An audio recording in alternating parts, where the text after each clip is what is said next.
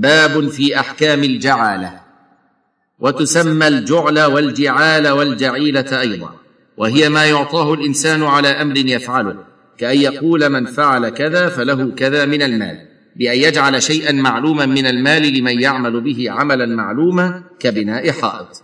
ودليل جواز ذلك قوله تعالى ولمن جاء به حمل بعير وأنا به زعيم أي لمن دل على سارق صواع الملك حمل بعير وهذا جعل فدلت الآية على جواز الجعالة.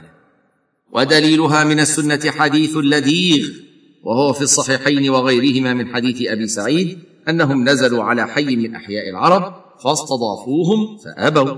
فلدغ سيد ذلك الحي فسعوا له بكل شيء فأتوهم فقال هل عند أحد منكم من شيء؟ قال بعضهم إني والله لارقي ولكن والله لقد استضفناكم فلم تضيفونا. فما أنا براق لكم حتى تجعلوا لنا جعلا.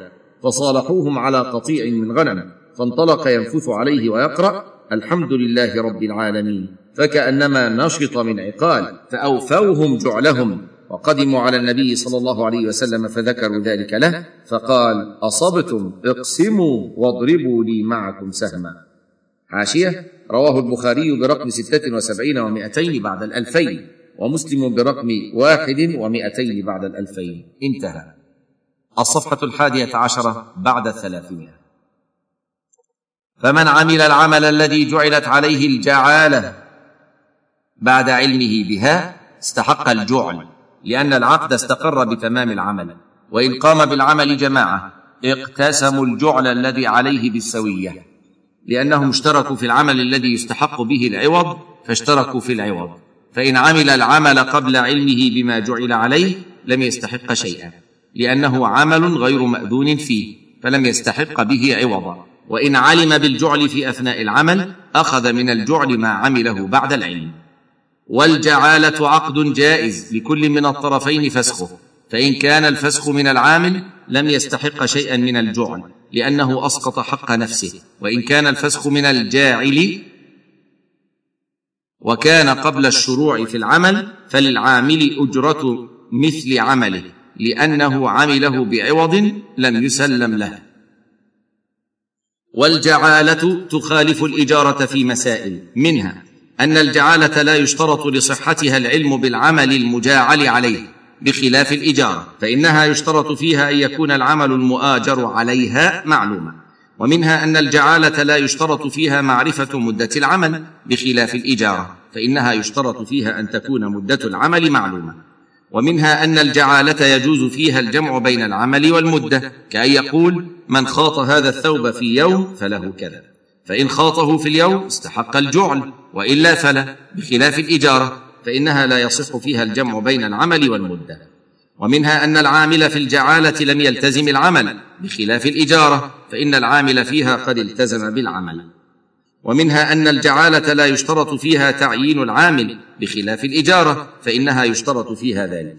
ومنها أن الجعالة عقد جائز لكل من الطرفين فسخها بدون إذن الآخر بخلاف الإجارة فإنها عقد لازم لا يجوز لأحد الطرفين فسخها إلا برضا الآخر. وقد ذكر الفقهاء رحمهم الله أن من عمل لغيره عملا بغير جعل ولا إذن من صاحب العمل لم يستحق شيئا.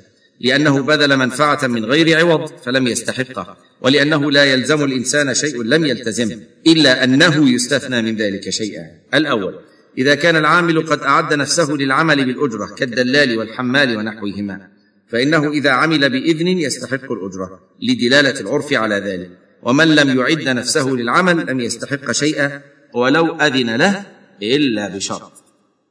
الثاني من قام بتخليص متاع غيره من هلكة كإخراجه من البحر أو الحرق أو وجده في مهلكة يذهب لو تركه فله أجرة المثل وإن لم يأذن له ربه لأنه يخشى هلاكه وتلفه على صاحبه. ولأن في دفع الأجرة ترغيبا في مثل هذا العمل وهو إنقاذ الأموال من الهلكة. الصفحة الثانية عشرة بعد الثلاثمائة. وقال شيخ الإسلام ابن تيمية رحمه الله حاشية الفتاوى الكبرى الجزء الرابع الصفحة الرابعة بعد الخمسمائة. انتهى. من استنقذ مال غيره من الهلكة ورده استحق أجرة المثل ولو بغير شرط في أصح القولين وهو منصوص أحمد وغيره. وقال العلامة ابن القيم رحمه الله حاشية إعلام الموقعين في الجزء الثاني الصفحة التاسعة عشره بعد الأربعين. انتهى. فمن عمل في مال غيره عملا بغير إذنه ليتوصل بذلك العمل إلى غيره أو فعله حفظا لمال المالك واحرازا له من الضياع فالصواب أنه يرجع عليه بأجرة عمله وقد نص عليه أحمد في عدة مواضع. انتهى.